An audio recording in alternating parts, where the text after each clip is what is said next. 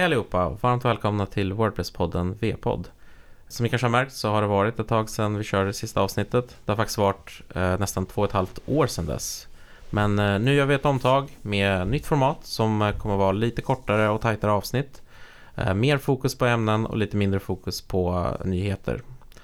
Eh, Men fortfarande så är vi den första svenska Wordpress-podden och eh, vi kommer fort, fortfarande såklart ha en massa spännande gäster Eh, och också rotera de ordinarie poddvärdarna lite då och då. Vilka är vi som gör Wordpress-podden? Detta avsnitt så är det jag, Stanislav Chromov, webbutvecklare på Chipset Media Group. Och jag, Johan Falk, eh, som sedan en månad tillbaka jobbar på hostingföretaget Seravo. Okej, och idag tänkte vi prata lite Gutenberg. Eh, och bakgrundsmässigt var mm, det är ju, många blev ju kanske lite förvånade här nu vid årsskiftet när hela redigeringsgränssnittet eh, helt plötsligt blev eh, utbytt. Vad, eh, vad var din erfarenhet av, av det nu när det släpptes? Jag har nog gjort som många andra och faktiskt inte uppdaterat till Wordpress 5.0 på, på många sajter. Men de sajter där jag har uppdaterat det så har jag varit noga med att berätta för sajtinnehavarna vad, alltså först har jag förstås kollat att allting fortfarande fungerar i till exempel en utvecklingsmiljö och sen också meddela att eh, de som driver sajten i fråga att det kommer vara en hel del förändringar eh, utseendemässigt när de loggar in efter en uppdatering. Mm. Ja, för det är ju lite intressant det här med, med eh, om man kanske är i Wordpress-bubblan eller inte. Eh, Gutenberg introducerades ju som ett fokusområde eh, som liksom hela det här nya redigeringsgränssnittet är. Eh, 3 december 2016 på WordCamp US som är den här amerikanska Wordpress-konferensen eh, en gång om året. Eh, där Matt, en av eh, medgrundarna till Wordpress, håller sitt årliga tal. Eh, så det har ju funnits, eh, har ju pratats om det i, i strax över, över två år. Men samtidigt så är det ju, det är ju väldigt många som använder Wordpress och en del är kanske mer mer insatta i, i sådana här saker eller inte men helt plötsligt så, så ändras det ganska mycket eh, på en och samma gång. Ja, och jag tror att syftet med den här podden lite grann är väl också att berätta lite om hur det här arbetet har fortgått under flera års tid sedan 2016 och hur eh, man har tänkt och resonerat kring det här bytet. Till exempel då varför man Mm. överhuvudtaget gör det här. Så varför, eh, varför har det här gjorts då? Varför byta ut hela, hela redigeringsgränssnittet? Vad, vad, hur tänker du kring det? Vad, var, varför behöver man göra det överhuvudtaget? Jag tror att eh, jag precis som många andra ofta använder sådana här site builders eh, till Wordpress så att jag eh, kanske installerar Wordpress som standard och sen eh, lägger jag på eh, en sitebyggare som till exempel då vad finns det? Elementor, Visual Composer, Beaver Builder och varför gör man det överhuvudtaget? Ja, men det gör man för att gränssnittet i Wordpress är inte så välanpassad för annat än text och bild mer eller mindre.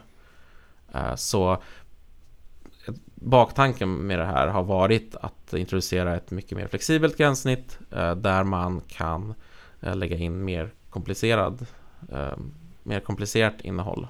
Precis, layout och, och innehåll. Och eh, centralt i hela det här då är ju eh, block. Eh, vad man kallar blocktänk. Ehm, där eh, vad ska man säga, allt från en textparagraf eh, är ett block, eh, bilder eh, är ett block, galleri är ett block.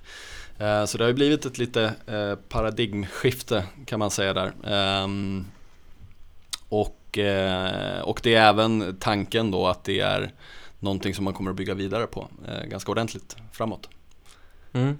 Ja, jag tycker det här konceptet med, med block, det var väldigt, det är ett väldigt smart koncept. Eh, och det finns också i Eh, många andra CMS. De har liksom en slags grundläggande eh, punkt som representerar, kan representera lite vad som helst. Och det är lite som vi har haft eh, i Wordpress också, att typ allting är en, en, en typ av post mer eller mindre. Så det finns sidor som är den inbyggda posttypen, sen finns det pages och sen kan man också utöka det. På precis samma sätt så Du har liksom ett block som du utgår ifrån och det, det enklaste blocket är väl kanske ett textblock men du kan också ha bildblock och du kan eh, utöka det med eh, ja, i princip då skapa ett block som jag är, representerar vad som helst. Um, och um, uh, arbetet med det här, som vi sa, det introducerades där i december 2016. Um, ehm, och eh, redan då pratade man i och för sig om, om, en potentiell release kanske redan under 2017. Det är ju ganska uppenbart nu då att så blev det inte. Det tog, eh, tog två, två år eh, att göra det och vi eh, under den här resan så, så eh, bland annat på eh, den eh, Wordpress eh, Stockholm meetup-gruppen där vi båda är involverade och arrangerar så, så körde vi användartester på de första prototyperna som fanns där i början av 2017. Um, ehm, men det är också lite, jag tänker förväntningsmässigt så tror jag att många initialt tänkte att det här var eh, det man ville göra eh, med Gutenberg var att eh, ändra ändra TinyMC, alltså själva fönstret där, där du redigerar textinnehåll. Men det visade sig efter ett tag, om vi säger så, att det var ju mycket mer än så. Ja, precis. Hela, jag känner att en stor del av Gutenberg-projektet har, alltså en stor brist i det har varit kommunikationen. Jag tror att om man går tillbaka och läser och verkligen läser noga på de allra, allra första inläggen som dök upp under 2016 på Make eh, Core-bloggen, det vill säga bloggen där de som vidareutvecklar eh, Wordpress eh, skriver. Så kunde man nog faktiskt läsa sig till att man ville göra en ganska stor förändring men det var liksom lite begravt i mycket annan text och mycket visioner. Eh, så de, som du sa, så de flesta tänkte nog att men man byter ut TinyMC, den här editorn som finns i Wordpress och så byter man ut den mot en mycket fräschare blockeditor. Och redan då, redan för två år sedan minns jag att det fanns olika koncept på alltså andra editorer där folk hade bytt ut TinyMC till en, kanske någonting som var mer blockbaserat. Um, och eh, då tänkte folk att det här kommer vara samma sak. Men uh, allt eftersom projektet fortlöpte så blev, började det mer och mer handla om att uh, modernisera eh, redigeringsskärmen helt enkelt. Inte bara själva editorn utan allting som eh, ligger runt. Och eh, när det började klarna för folk, då, i första hand kanske utvecklare, att det här skulle medföra väldigt stora förändringar kring hur de bygger vidare på eh, sajter, till exempel hur de gör med metaboxar och hur de lägger in extra styles i TinyMC, att sådana saker skulle bli svårare eller kanske omöjliga. Ehm, då var det liksom eh, kritiken att pyra lite grann. Eh, och det var också så att eh, man valde vi, hade ju det här dramat med liksom vilket ramverk man skulle bygga det här i, för nu är det populärt med JavaScript-ramverk och då ville man först köra React och sen gick, vad var det, Facebook gick ut med och, och, sa att de ville förändra hur uh, den öppna källkodslicensen för React fungerade så det skulle bli mer Jag, jag tror faktiskt restriktivt. att den hade ju en mer restriktiv uh, licens från början um, och lite så här bakgrundsmässigt kan man väl säga att eh, Automatic som, som eh, Matt då eh, är VD för och grundare för det företaget som är väldigt stora inom Wordpress-världen. De har ju investerat eh, väldigt tungt i just ramverket React. Eh, de har ju byggt den här separata editorn Calypso eh, som helt bygger på, på React. Som används på Wordpress.com va? Precis. Um, så att det var ganska uppenbart att det var deras förstahandsval. Och det kunde de ju göra som ett liksom fristående bolag och, och, välja det, vilket många andra gör, eh, har gjort också. Men sen när det kom till att eh, inkludera det här då i Wordpress som, som ett eget öppen källkodsprojekt och, och, GPL och allt vad det heter så, så blev, ställdes det frågor kring eh, vissa klausuler som Facebook hade i den här licensen då. Eh, nu kan inte de eh, direkt så, men jag tror att det på något sätt innebar att man inte fick till exempel ställa Facebook inför rätta eh, kring det och kanske någon konkurrensklausul eh, också. Mm. Och då ställdes det kritiska frågor kring att, ja men kan Wordpress då till exempel, är det liksom förenligt att använda ehm, eh, React eh, i, i Wordpress eh, Core. Precis, eftersom Wordpress eh, i sig är licensierat under GPL som är en väldigt fri källkodslicens och Wordpress i sig var en, en fork av, alltså en kopia, en klon av ett tidigare projekt som hette B2 ja. Café Log, mm. tror jag det hette. Mm. Uh, så det går ganska djupt ner då, den här tanken på att, uh, på att öppen källkod, det vill säga att alla kan ta del av hur Wordpress är uppbyggt och bygga vidare på det, att det ska vara öppet. Och när Facebook försökte klämma till det med den här React-licensen de valde så röt man ifrån. Uh, hotade att sluta använda React. Uh, och sen så blev det en licensförändring. Ja, precis. Jag tror att det var ganska, eh, när det var som, som eh, hetast, eller vad man ska säga, så eh, jag tror att Matt hade nog en, en bloggpost eh, som han bara var någon dag ifrån att, att släppa, där man då eh, tog beslutet att inte använda React. och i de dagarna så så valde Facebook till slut att ändra licensen för React, eh, vilket gjorde det här möjligt. Då. Så det var eh, ganska, men, men om man tittar på de här ramverken, nu, du är ju mer eh, bevandrad mer om och, och det kommer väl nya sådana här ramverk var tredje vecka också i och för sig. Men, men hur ser du på valet av, av React kontra kanske andra, pratades om Vue och ja. Preact till exempel? Eller? Ja. ja, precis. Preact är ju mer eller mindre React, bara att man har typ kopierat det och lagt det under en öppnare licens. Um, ja, Vue på den tiden, min bild var att Vue var ganska, uh, alltså inte, inte så avancerat, och fortfarande ganska i uppstartfasen.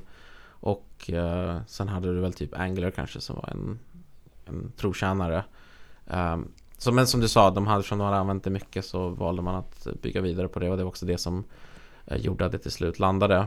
Eh, nu tog vi en liten avväg från det vi började prata om, så blir det ofta.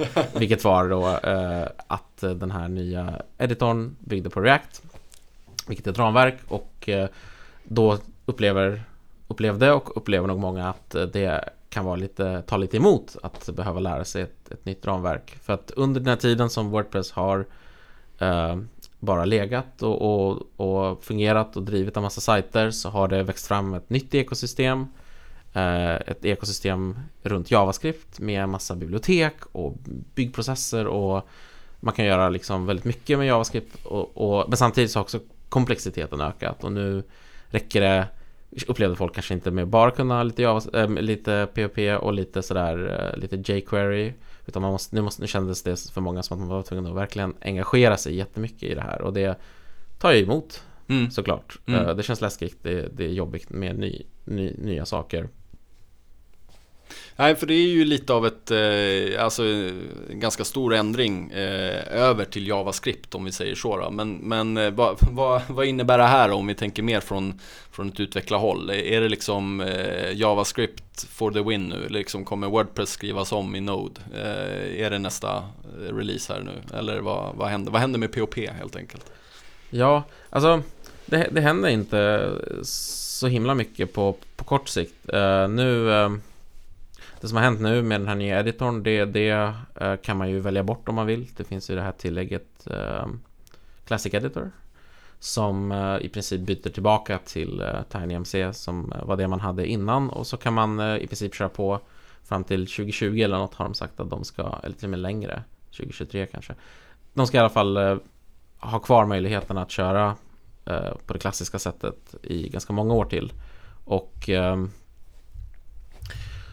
så i, på kort sikt så, så eh, händer det inte så mycket eh, och det är inte heller så att eh, Wordpress kommer att liksom, byggas om i Node utan det är inte på kartan för Node som är då JavaScript på serversidan kan man kortfattat säga ehm, innebär liksom en helt annan infrastruktur och helt, helt annan uppsättning för webbhotell. Alltså om du skulle köpa ett webbhotell, typ Loopia idag, så tror jag de har Eh, node hosting också men det är liksom det är inte standarden utan det, det du får är PHP hosting. Och det finns inte heller egentligen någon anledning till att skriva om Wordpress eh, för att eh, en stor del, eller den, den största delen med Wordpress är ju dess ekosystem av tillägg och teman och skulle man då skriva om kärnan i ett annat språk då tappar man ju allt och det finns ju liksom inget egen värde i att göra det. Men däremot så, så om man nu som utvecklare vill bygga Eh, med den här nya Gutenberg-editorn. Då har man liksom lite olika alternativ som man kan välja på hur man väljer att bygga och ett av de alternativen om man vill göra det liksom på på det officiella sättet det är med hjälp av JavaScript och med hjälp av React för att bygga då nya block. Nej, för det är väl eh, ganska uppenbart att, att JavaScript är här för att stanna och, och ehm, det tror jag också vet inte om det var kanske på den här eh, eh talet av, av Matt 2015 så tror jag att han hade som paroll då, eller man ska säga Learn JavaScript deeply. Um, så på ett sätt kan jag också tycka i när det kanske kommer kritik kring det och stora förändringar är att det både i, i världen utanför Wordpress eh, så är det ganska uppenbart eh, vart det teknikskiftet går. Mm. Eh, men också eh, inom Wordpress så har det, eh, det, det, är inte som att det kommer från ingenstans utan det har varit uppenbart att okej okay, vi, vi, vi går mot JavaScript-hållet. Ehm, och det är väl egentligen det som behövs också för, för att eh, kunna erbjuda eh, liksom mer moderna gränssnitt som till exempel den Gutenberg-editorn eh, innebär. Ja, precis. Vi har ju blivit mer vana vid så här liksom mer appliknande hemsidesupplevelse på många, på många sätt. Alltså det ska vara interaktivt, att man ska kunna titta på en video kanske samtidigt som man surfar runt på resten av sajten eller lyssna på någonting i bakgrunden. Och för att kunna erbjuda ett sånt, eh, sådana gränssnitt då behöver man ny modern JavaScript. Mm. Med det sagt så betyder det inte att eh, alla måste bygga om sina vanliga hemsidor till React. Det finns, eh, det går alldeles utmärkt att fortsätta bygga alltså bara i ren HTML i princip. Mm. Men när man då behöver det här lite mer komplicerade så finns det nu mycket bättre eh, möjligheter än vad det fanns för bara mm. några år sedan.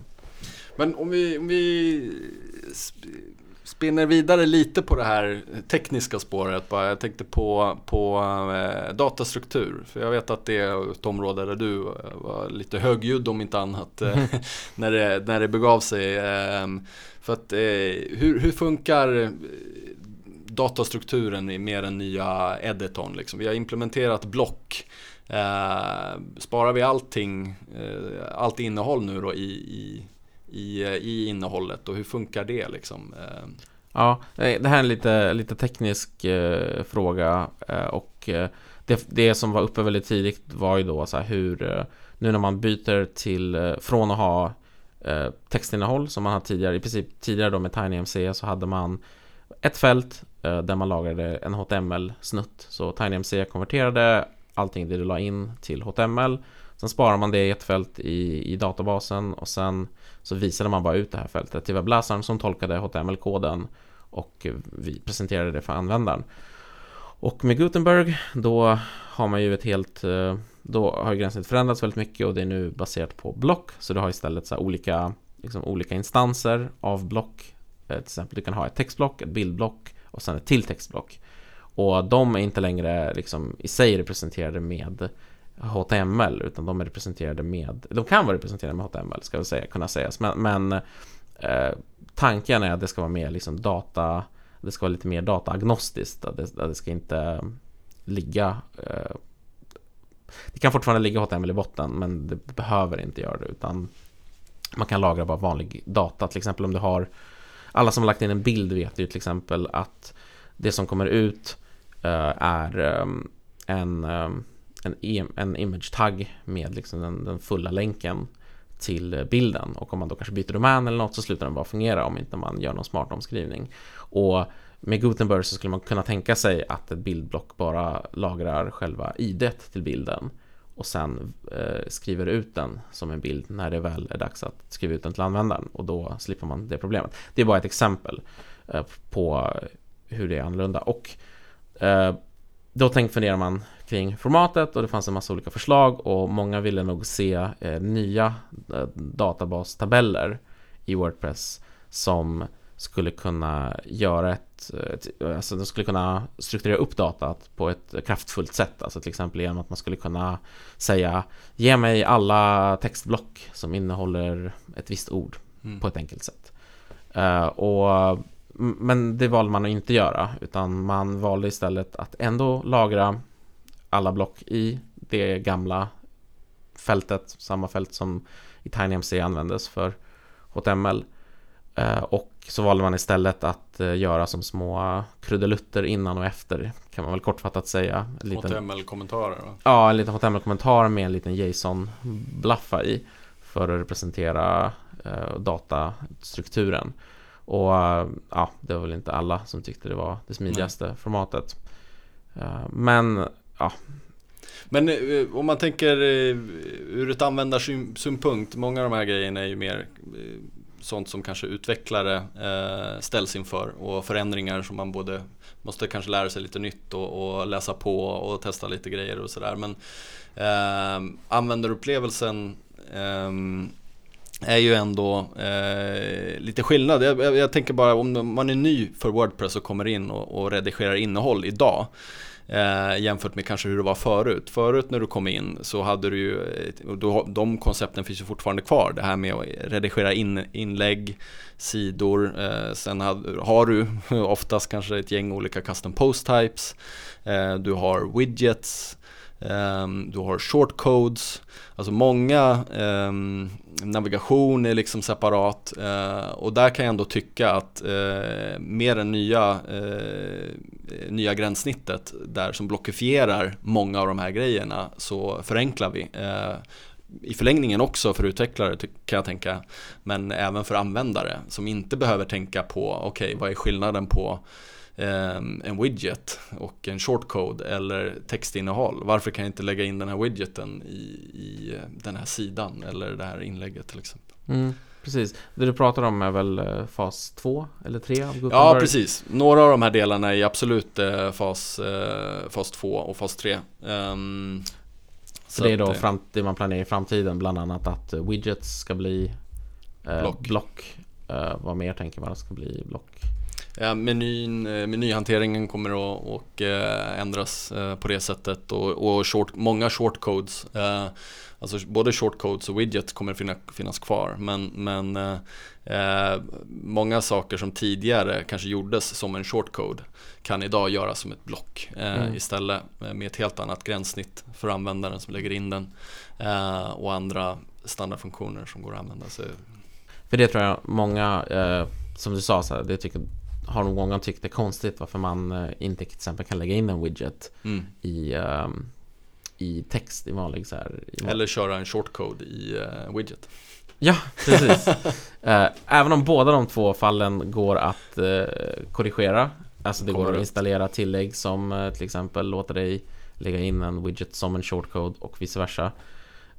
så ja, det är som du säger, det är förvirrande varför man inte kan göra det som standard. Men liksom, de flesta då som är utvecklare och kanske tittar på koden inser nog snabbt att det är, så här, det här att det är saker som har utvecklats parallellt men ändå liksom separerat från varandra och att man inte haft den här tanken från, från början och det är väl det nu efter 15 år mm. eh, tänker man om. Eh, och jag tänkte bara säga att det här just, eh, du pratar om nya gränssnittet och jag, jag pratar om formatet och jag, jag känner så här att även om man är kritisk till eh, det här formatet så sekunden man ändå liksom testar det här nya gränssnittet Då liksom glömmer jag lite grann den här eh, formatdiskussionen. Och jag tänker fan vad, fan vad coolt.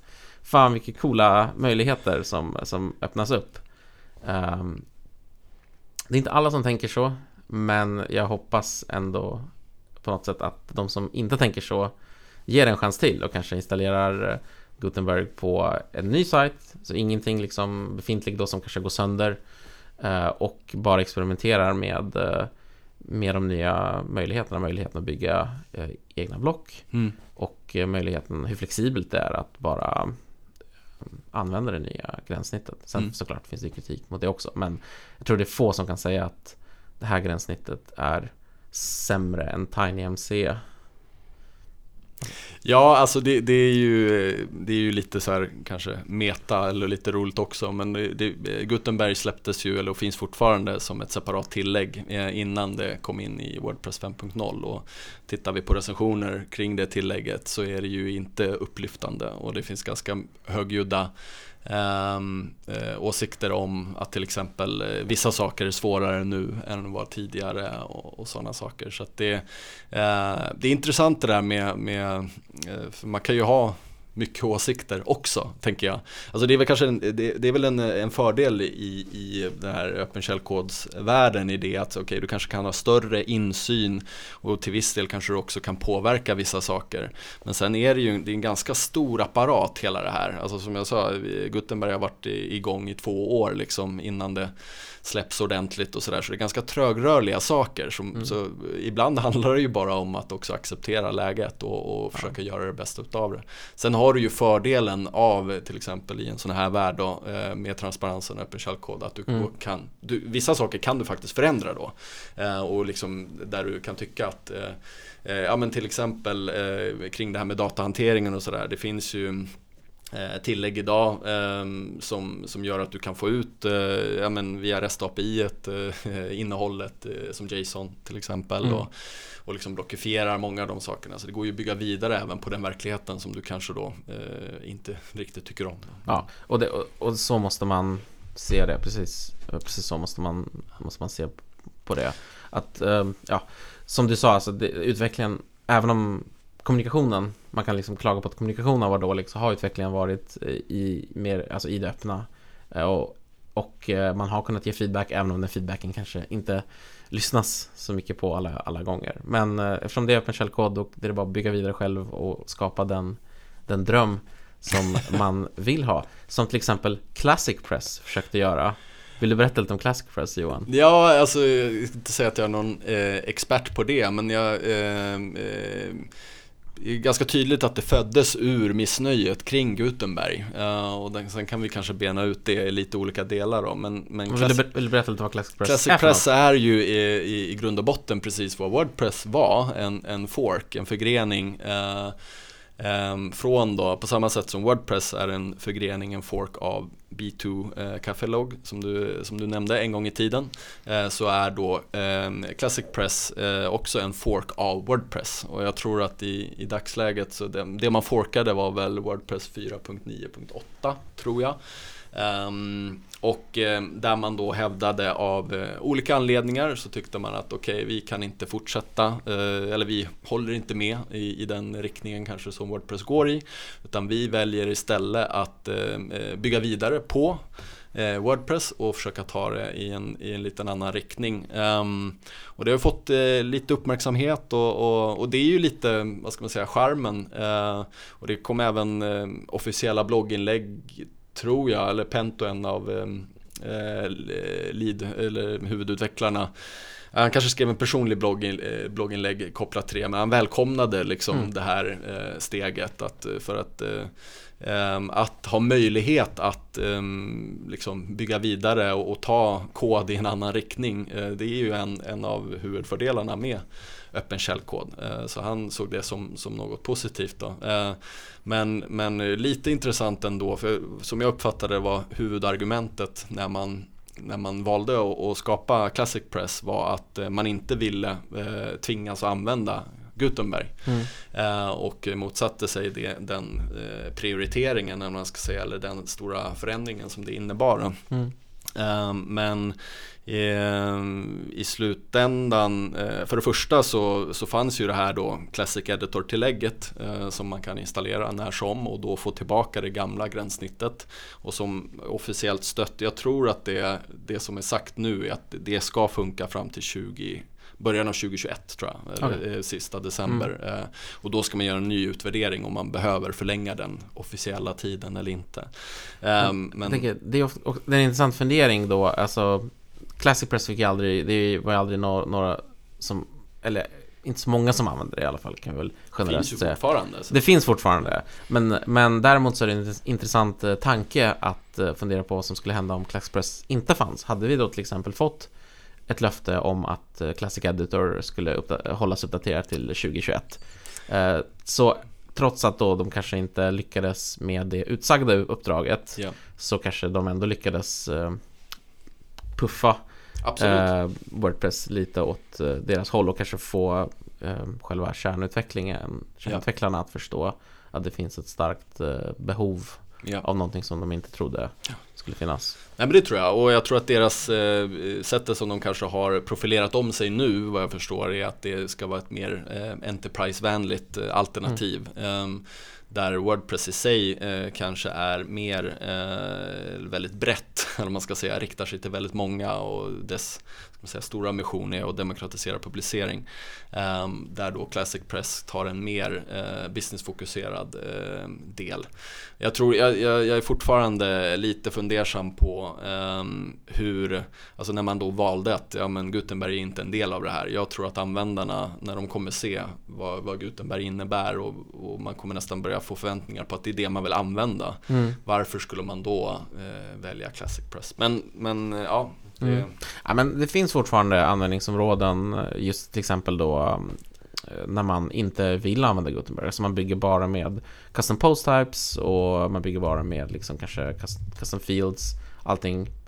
Och jag tänker det här, det var intressant det du nämnde, jag visste inte att de hade profilerat om sig så för att de Det är en annan grej som, som Wordpress håller på att röra sig mot just nu och det är liksom en slags flytande version, versions, eh, inte hantering men en versionering av CMSet. Eh, tidigare så har det varit stora, man slagit på stora trumman och sagt nu kommer 4.8, nu kommer 4.9 eh, nu kommer 5.0 då, inte minst, med en massa nya features. Men Matt, har, Matt Mullenweg har under flera eh, konferenser sagt att han vill liksom han vill gå mer mot modellen som kanske Chrome kör. Att man inte ens vet vilken version av Wordpress man har utan man kör alltid det senaste och bästa. Och det här är såklart för mig som utvecklare väldigt läskigt för att jag vill inte köra någonting okontrollerat i du mina... använder inte Chrome. Eh, nej, jag använder faktiskt eh, Firefox, du vet, eh, på tal om det här med öppen, öppen källkod. Men, men Firefox har faktiskt också flytande versionshantering nu för tiden. Men, Chrome men, är också öppen källkod. Ja, just det. Ja, typ. Ty- ja, Men jag, jag förstår Jag vad förstår du menar. Eh, men då tänker jag, då, då tappar de liksom in på ytterligare en, en, en nisch som, som det, jag tror definitivt finns behov för. Eh, men som du sa, så när kunderna börjar se Gutenberg ute i, i, eh, i världen så tror jag de kommer efterfråga det Mm. från sina leverantörer. Men, men om vi spinner vidare, spinner vidare lite på, på just det då, vad ska man säga, alltså kontroverser och, och lite så här eh, En del eh, i kritiken också kring det här har ju varit då att det här är ett eh, automatic-projekt ehm, liksom de som driver då Wordpress.com, det är de som, som har sagt att det här ska göras och de gör det för den verkligheten som de lever i eller liksom där de har konkurrensutsatts då från, från sådana här eh, vad ska man säga, SAS-tjänster som Weebly och Squarespace och, och liknande. Ehm, vad, hur tänker du kring, eh, kring det? Är Gutenberg liksom ett automatic-projekt som man har tryckt igenom eller inte? Jo, men jag tror att... Jag, alltså, ja, det att... Jag tror... Svaret är ja, men, men det är ett väldigt... Det är ett väldigt orättvist sätt att säga det så. Alltså, det är Automatic, som du sa då, alltså de känner mycket konkurrens från, från sådana här eh, tjänster där man bygger sin egen sajt som Squarespace, Wix och så vidare. Och de, de har ju Automatic Show Wordpress.com som är liksom SAS, alltså molntjänstversionen av eh, Wordpress. Uh, och det är klart att det är lite pinsamt för dem att de kör en editor som är 15 år gammal och vill modernisera. Uh, sen uh, så är det, tycker jag, det är ju positivt att de också vill göra det på ett sätt som innebär att alla får tillgång till det, även de som inte kör Wordpress.com. För de skulle mycket väl kunna säga att nej men vi vill, vi vill, vi ska krångla till det och vi ska liksom, även om vi kanske måste släppa det som öppen källkod på grund av hur licenserna fungerar så kommer vi liksom inte medverka till, till att eh, hjälpa communityn jobba med det och så vidare. Men man har ändå valt att, att, eh, eh att, håll, att göra det öppet. Och eh, ja, det... För jag, jag tänker att man, man hade ju, folk som är kritiska, jag håller med dig i den, jag, liksom, bedömningen i att eh, det är nog så, så det är men att det är lite orättvist att, att liksom bara trycka på de knapparna eller liksom vinkla det så. Men, men man hade ju, om man jämför det till exempel med det här Calypso-projektet som vi nämnde tidigare som byggde på React och, och egentligen är ett, eh, ett nytt användargränssnitt, eh, administratörsgränssnitt för Wordpress. Eh, för det går ju att köra det även för eh, egenhostade webbar om man kör Jetpack. Eh, det här tillägget då till exempel. Men, men man skulle ju kunna eh, tänkt att de skulle tagit samma väg med Gutenberg även där och sagt att Mm. okej, men vi kör det från vårt håll, från sidan Ehm, och sen så får kanske communityn eller Wordpress själva avgöra om de vill använda det eller ta Mm. in det istället. Då. Det här, eh, och risken då hade varit att det hade blivit ett väldigt ehm, en nischad grej eh, som hade kommit då Wordpress.com till, till eh, fördel men inte resten av världen. Här valde man istället att, att vända på den kakan då mm. och jag tror att eh, Matt pratade om det till exempel också som en, som en fördel, en anledning till det här att om de hade drivit det här externt och sen försökt få in det då hade det nog tagit längre tid i slutändan. Mm. Ehm, men genom att gå då från ett community-perspektiv eh, och liksom eh, gå in ganska hårt. Eh, Matt satte ju på sig release-hatten, eh, release-ledarhatten, mm. Eh, vilket han inte gjort på några år eh, och har den fortfarande. Och man gick in med ganska många utvecklare eh, som, som liksom blev en del av det här då teamet eller vad man ska säga som, som förbättrar eller bygger, bygger Wordpress. och genom att göra det på det sättet um, så gjorde man det både till en del av, av Wordpress eh, och sen så i, i förlängningen så, så eh, jag tror inte de har eh, implementerat det kanske i Calypso än men, men liksom, de tog den vägen istället och det gör ju att eh, fler kan ta del av det än, mm. än, än, inte. Så jag ser det också som, som något eh, positivt. Um, jag tror att eh, Förmodligen så är det inte så många lyssnare som har hört talas om Calypso och jag tror att det är nog en del av problemet med det projektet. Som du sa, det var liksom ett sätt att försöka bygga om liksom, typ hela gränssnittet eh, till ett nytt modernt React-baserat eh, gränssnitt och man valde att göra det för Wordpress.com där det fortfarande finns eh, och används. Och sen försökte man liksom eh, säga till communityt, här är en ny cool grej och communityt sa typ att, ah, okej okay då. Och så är det liksom ingen som, för det, det var liksom inte integrerat du kunde liksom inte bara installera tillägg och få Calypso utan du behövde köra i princip en till applikation eh, utöver din vanliga Wordpress för att det skulle fungera. Och då, nu valde man då istället att lära sig av de misstagen och få det igenom communityvägen. Och som det ska sägas då liksom att även om då vi säger att ja, det här är ett Automatic-projekt så betyder det inte att det bara är Automatic som utvecklar som utvecklat eh, Gutenberg utan det är väldigt många eh, som har engagerat sig som inte jobbar på Automatic. Jag har inte siffrorna i huvudet men, men eh, det är en hel, en hel del.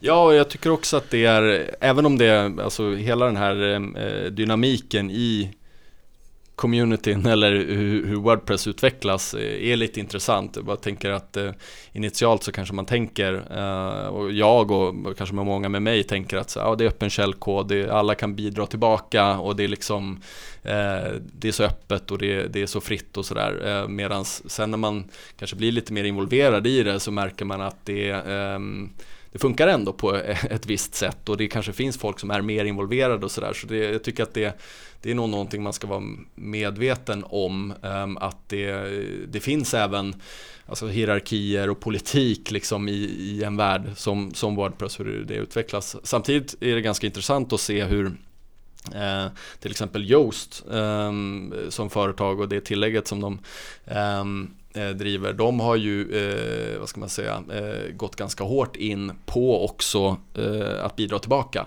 Ehm, eh, även om de kanske inte är i närheten av eh, antalet personer som Automatic är så är de ändå ganska många som, som jobbar heltid med det och även i Gutenberg-projektet har de varit väldigt involverade. Mm. Och det har ju gjort då, jag tror att det finns flera delar där om man tänker så här strategiskt då för deras del. Det ena är ju att de bidrar tillbaka och, och gör ehm, hela Wordpress-kakan som är en del av deras liksom, affärsmodell, mm. gör den större. Eh, eh, och samtidigt så får de också en ganska stor eh, insikt i i det här nya då som, som kommer och det tycker jag man kan se lite kanske i, i deras uppdateringar av, av tillägget och sådana mm. saker. De har ju då sett till att när nya versionen kommer så är eh, Yoast anpassat för det och de har också eh, de bidrar fortfarande tillbaka med, med eh, Eh, specifika funktioner som de tycker att eh, redigeraren ska ha.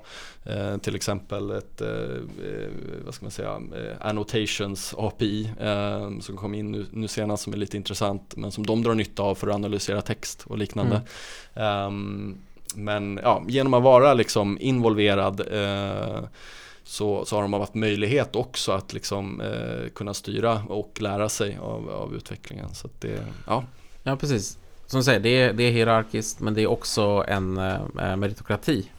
Eh, så att har man liksom eh, eh, Har man tiden som man kan lägga och eh, väljer man att engagera sig och spendera mycket tid då, då får man vara med liksom. Men eh, cruisar man förbi och lämnar en kommentar om hur man tycker Gutenberg är sämst och åker vidare, ja då är det inte så, kanske så många som, som lyssnar på det. Så Jo men det är ju, det är ju uppenbart eh, kring det här med politiken eh, och jag tänker lite speciellt kring det här med releasedatumet som också var lite kontroversiellt när eh, Wordpress 5.0 skulle släppas, eh, hur, hur det funkar. Vad, vad är din eh, upplevelse kring, kring det eller har du några tankar kring?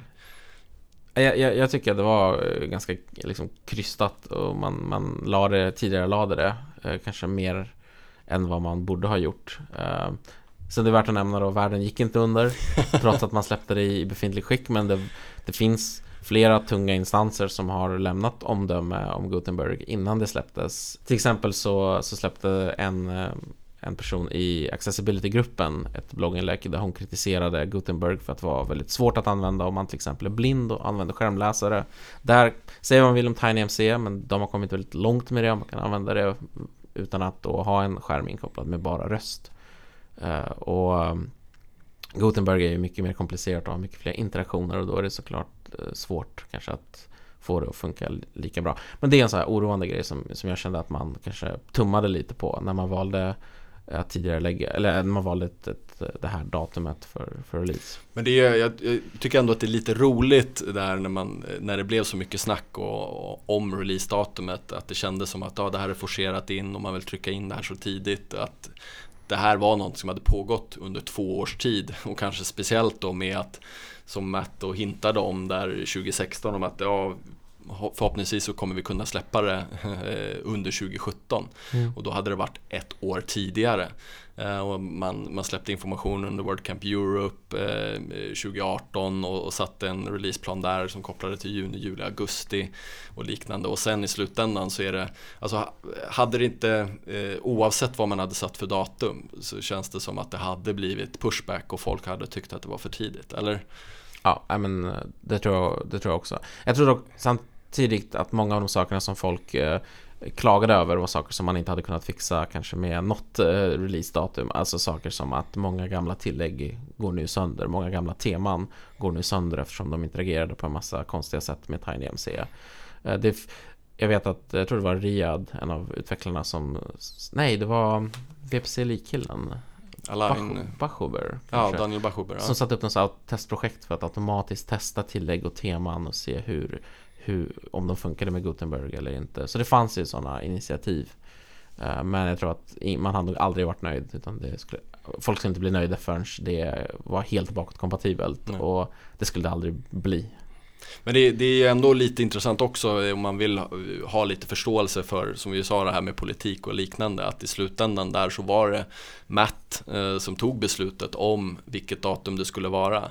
Eh, och eh, trots att det var väldigt mycket, och det kan man ju ha eh, åsikter om och jag tror också kopplat till det så blev det lite av en, eh, vad ska man säga, rörelse. Jag tror det finns en, en eh, eh, Mårten Henriksen tror jag han heter från, eh, från Norge eller som jobbar, eh, tror han jobbar för LinkedIn eller Lynda. Eh, mycket med utbildning och liknande men han, han brukar ställa, han brukar prata, eh, jätteduktig eh, men ställer bland annat en fråga då till, till Matt på WordCamp US eh, där han frågade hur hur hade det här beslutet tagits kring releasedatumet? Alltså, mm. eh, han ifrågasatte något blogginlägg där också där till exempel Matt eh, refererar till vi. Vilka är vi? Um, och eh, kopplat till det så, så lanserade också eh, Mårten då ett, eh, ett projekt som man kallar ett eh, governance-projekt med kommer jag inte ihåg, det var flera andra. Eh, han hade ett, ett snack där på det Wordcampet också. Eh, där det här initierades. Men, men för att försöka jobba lite med det här. Eh, alltså styrningen eh, kring Wordpress. Hur, tar, hur tas beslut? Eh, vilka är involverade och sådär. Eh, så vi får se lite ehm, vad som händer med det. Men, men, eh, men det är lite, ja om man, är, om man ens är intresserad av det. Men, men det, är, det är en liten värld i sig eh, kring hur eh, allt sånt funkar. Mm. Men ja, eh, som vi sa, det, det, släpptes och världen gick inte under och det är ju det vi har eh, försökt gå igenom lite nu och, och, prata om bakgrunden och försöka mm. ge lite kontext till um, eh, varför och, och, hur, hur Gutenberg eh, har byggts och, och släpptes i Wordpress 5.0. Um, ehm, och eh, jag tänker i nästa avsnitt så tänkte vi att vi bygger vidare lite på det här och eh, kanske då snarare tittar på framåt. Ehm, vad det här innebär Eh, kanske vad, eh, eh, hur passar teman in, Wordpress-teman in i, i, den här nya världen? Vad, vad innebär det för, för sidbyggare? Eh, och hur, hur kan man eh, arbeta med block och liknande? Så att eh, det är vad nästa avsnitt kommer att handla om. Och kopplat till detta så har vi också en fråga veckans fråga. Och det är i detta fall då, är du ett fan av Gutenberg? uh, så gå in på www.podd.se och rösta. Uh, där kan du också läsa show notes och länkar till Eh, många av de här sakerna som vi har pratat om och diskuterat. Så ses vi nästa gång.